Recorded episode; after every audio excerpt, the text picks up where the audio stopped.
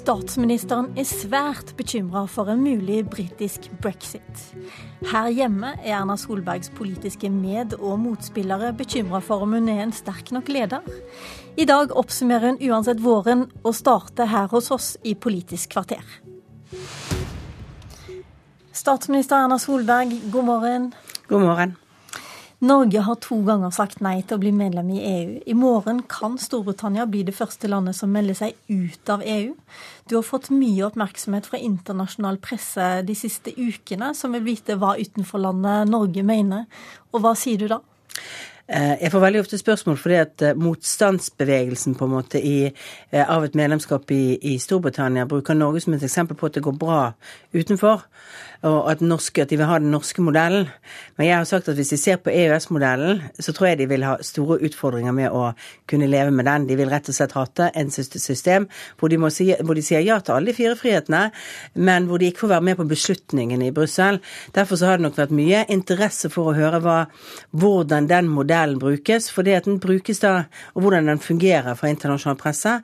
Og det er nok en aha-opplevelse for mange å se eh, hvor for å få deltakelse inn i det indre markedet som Norge har, så må vi altså gjennomføre mange av de lovene og reglene som Storbritannias motstandsfolk da ikke ønsker eh, at man skal delta i.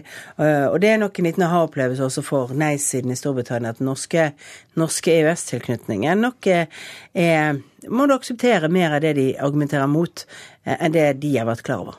Mens du sier til internasjonal presse at eh, britene vil hate det, så har jeg en annen stemme her som også blir intervjua internasjonalt, som sier at eh, de vil elske å stå utenfor. Det er Senterpartiets Liv Signe Navarsete. Som Anne Enger sa, tenk sjøl. Men spør du meg, så vil jeg si stem Liv, og du vil elske det. Det som skjer i Europa nå, det er jo eh, et resultat av at folk protesterer mot integrasjonsprosessen. Det blir dannet nye parti. Eh, en ser at eh, stadig flere, og i England pluss-minus 50% ikke ønsker å være medlem i EU. Og det burde jo kanskje få det til å ringe noen klokker, da.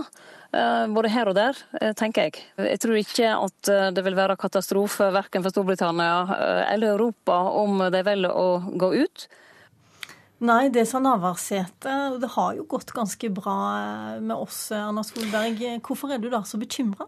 For det første så lever vi i en verden hvor vi trenger mer samarbeid. Vi trenger flere fellesløsninger. Verden har flere konflikter, større uro. Vi er mer avhengige av hverandre. Og vi er mer avhengige av at vi klarer å få til internasjonale beslutninger som fungerer. EU har vært viktig for å få til gode klimabeslutninger på verdensbasis. De er gode for å få standardisere løsninger når det gjelder klima utslipp. De er viktige i forhold til internasjonalt samarbeid på mange områder. Et svekket EU et mer oppsplittet Europa, mer nasjonalistisk Europa, vil bety både at vår økonomiske eh, situasjon kommer til å bli vanskeligere i Europa når vi trenger reformer og mer konkurransekraft, men det kommer også til å bety et mer politisk splittet og fragmentert. Det betyr et svakere Europa, og det betyr en svakere verden.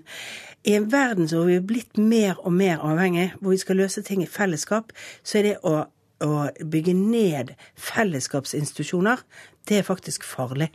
Og Derfor er jeg dypt bekymret.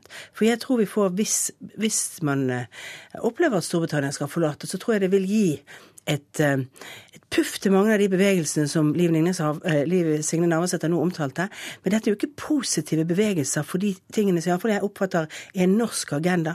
Det er ikke, dette er nasjonalistiske eh, eh, antiglobaliseringskrefter som betyr mer proteksjonisme, eh, mindre verdenshandel, og som betyr mer eh, ja, egentlig negative holdninger overfor andre folk og for innvandrere. Det er jo mye av det som spilles på i disse kampanjene. Og det vil være et Europa som går bakover ikke fremover. Og vi trenger et Europa som går fremover, bl.a. for å skape alle de jobbene som trengs for at ungdom skal få håp. Men en del av de som, som taler for et brexit her, i, her, hjemme, sier jo det at kanskje Norge da vil få en sterk eh, på en måte forhandlingspartner i da eh, forhandlingene overfor EU? Som gjør at en EØS-avtale kanskje kan bli bedre, eller kanskje vi får en ny og enda bedre avtale? Ja, jeg mener jo at når vi får mer globalisert handel, når vi får mer internasjonalt samarbeid, så trenger vi også å flytte politiske beslutninger lenger opp. Det, mange av de som er imot EU i Storbritannia, de er langt på høyresiden for det jeg står for. De ønsker mer marked, mindre politisk styring.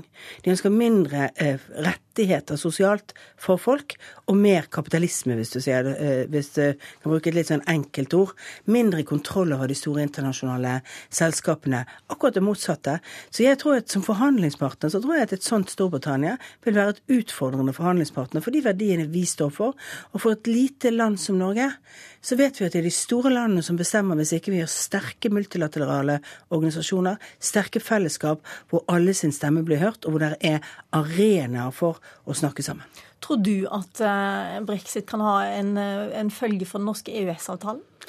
Ikke i utgangspunktet, det tror jeg ikke. Jeg tror den kan beholdes sånn som den er i dag. Eh, det som vil være vanskelig, er at eh, ikke så mye selve Storbritannias eh, det at de går ut eh, direkte, men det, det pushet de vil gi inn i den ustabiliteten som er i mange politiske systemer i Europa, kommer til å gjøre at EU rett og slett vil fungere mye dårligere og være mye mer innovervendt fremover.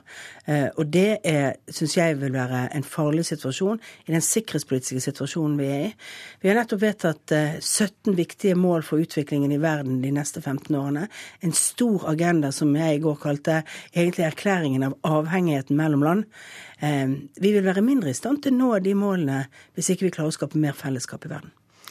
La oss bringe inn fokuset litt på vårt eget land. I dag skal du oppsummere halvåret på en pressekonferanse senere i dag. og Da kommer du til å få spørsmål om hvem du egentlig vil samarbeide med om du kommer i regjeringsposisjon neste år. Og det er mange som mener mye om det. Kommer du til å svare noe annet enn at du vil samarbeide med alle borgerlige partier dersom det blir borgerlig flertall? Jeg å svare det landsmøtet i Høyre vedtok eh, i år.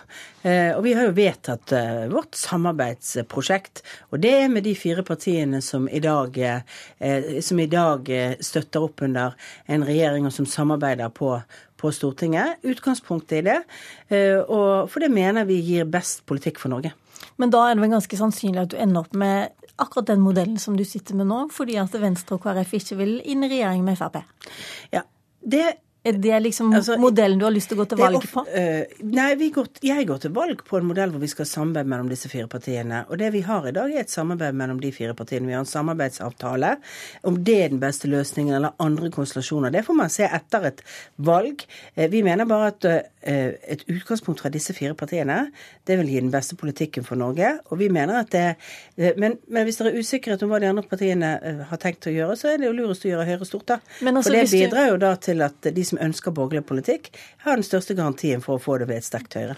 Men hvis du skal se deg sjøl utenfra igjen, og en utenlandsk journalist kommer og spør er det noen god modell, det du har nå, med en sånn mindretallsregjering med to partier og ett ytterfløyparti, og så en samarbeidsavtale? Eh, det er sånn at vi helst skulle sittet med alle fire partiene i regjering. Det vet alle at jeg har, og Høyre egentlig, mm. egentlig, ønsker. Og så mener jeg at det beste skal aldri være det godes fiende. Og jeg mener at den modellen vi har i dag, den, er, eh, den er, viser politiske diskusjoner sterkere enn det å sitte i regjering ville gjort. Den viser demokratiet i Norge eh, på en annen måte, fordi du må forhandle i Stortinget. Men tradisjonen i Norge har jo vært mindretallsregjeringer, med unntak av de fire årene før. Og det ser for øyeblikket ikke ut så det er noen alternativer eh, til, på, til den borgerlige siden som på en måte kan mobilisere en flertallsregjering. Ok, En av de store og viktige sakene denne våren har vært asylinnstrammingene.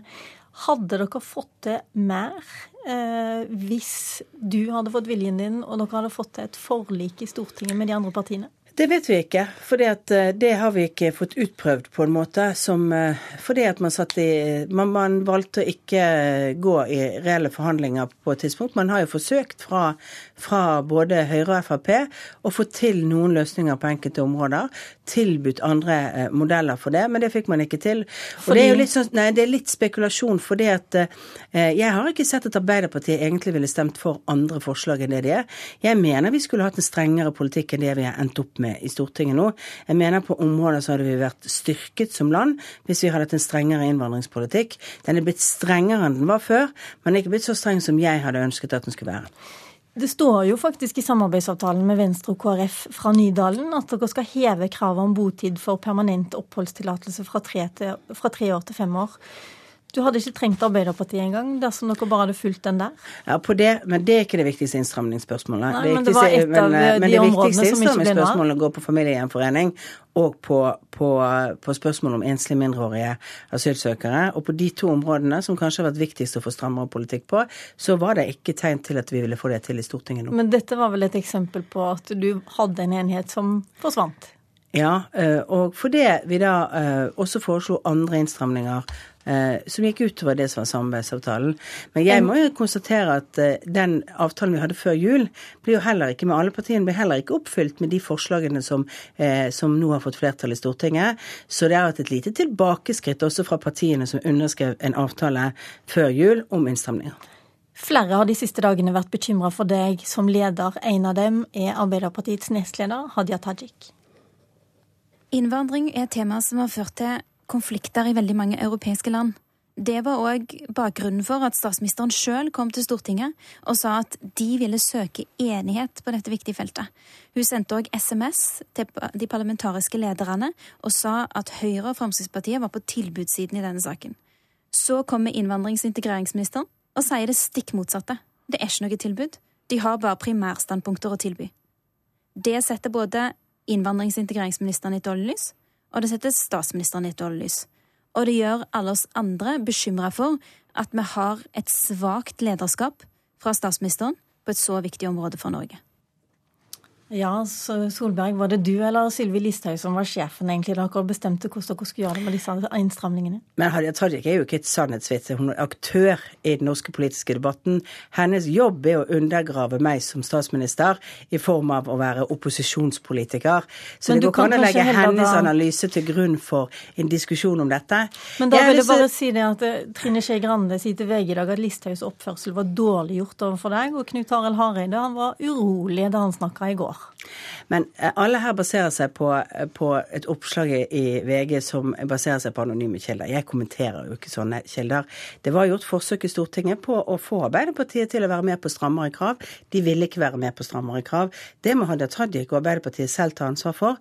De har valgt å ikke gå inn på og på innstramninger i forbindelse med asylpolitikken. Og så syns jeg det er viktig at vi tar utgangspunkt i hvordan verden ser ut rundt oss. I nesten alle land så har migrasjonsbølgen bidratt til å endre det politiske kartet. Det har det ikke gjort i Norge. Hvorfor det? Jo, fordi vi fører et godt lederskap. Vi svarer på utfordringene fra regjeringens side. Vi strammer inn i asylpolitikken. Vi sørger for en god og bedre integreringspolitikk. Det er reelt lederskap. Resten blir litt spill, syns jeg. Som jeg vet er en del av den norske politikken, men vi får faktisk til gode resultater. Og det gjør kanskje også at tilliten i asylpolitikken går også til regjeringen. Trine Skei Grande tror du får enda bedre resultater hvis du velger å samarbeide bare med dem? Jeg kommer til å drive valgkamp for at vi skulle hatt en blå-grønn regjering. Jeg tror det har vært en mer populær regjering. Jeg tror det har vært en regjering som også hadde gagna Erna bedre. Eh, jeg håper jo at vi skal klare å få til det, men det er velgerne som bestemmer. Det er velgerne som bestemmer om det er høyre fløy, eller om det også i sentrum skal være den kraften for å få til de endringene som vi må gjøre. Har du tenkt denne våren at det hadde kanskje vært litt lettere hvis du hadde droppa Frp og deres egenmarkeringsbehov? Jeg har sittet i en regjering hvor vi har sittet med KrF og Venstre, og jeg satt i en regjering med Frp. Eh, det er utfordrende med begge deler. De har begge vært mindretallsregjeringer som skal finne, finne resultater på Stortinget. Men jeg er glad for samarbeidet med alle disse partiene For i det samarbeidet så finner vi mange gode løsninger for det norske samfunnet. Nå går helsekøene ned. Vi utdanner etter- og videreutdanner en stort antall lærere som er en kjempeviktig investering for fremtiden. Vi har altså sørget for at vi bygger flere sykehjemsplasser. Resultatene denne regjeringen leverer, og jeg er jo veldig fornøyd når jeg skal oppsummere i dag. Og den lista den skal du få dra på den pressekonferansen. det gjør vi sammen med fire partier. men, jeg, men nettopp, eh, du skal få dra hele den lista helt sikkert på den pressekonferansen, men jeg lurer jo litt på en av utfordringene er jo at Venstre nå stiller jo eh, ultimatum på at disse CO2-utslippene de må ned. Klarer du det f.eks. uten å øke bensin- og dieselavgifter, som Frp er veldig imot? Vi har en diskusjon på, på det grønne skatteskiftet. Det er en oppfølging av, av den grønne skattekommisjonen som vi hadde. Det kommer vi tilbake igjen med i budsjettet. Hjertelig takk, Erna Solberg. Du er flink til å beregne tid. Og du ser også at vi har bare faktisk 25 sekunder igjen av denne sendingen, så det var et litt stort spørsmål jeg stilte deg på slutten. Men eh, du får ha lykke til på pressekonferansen senere i dag. I studio i dag satt eh, Lilla Sørlusvik som programleder. Husk at du kan laste oss ned på podkast når som helst. Og du kan også høre en oppsummerende versjon hver lørdag morgen klokken åtte i kanalen Alltid nyheter.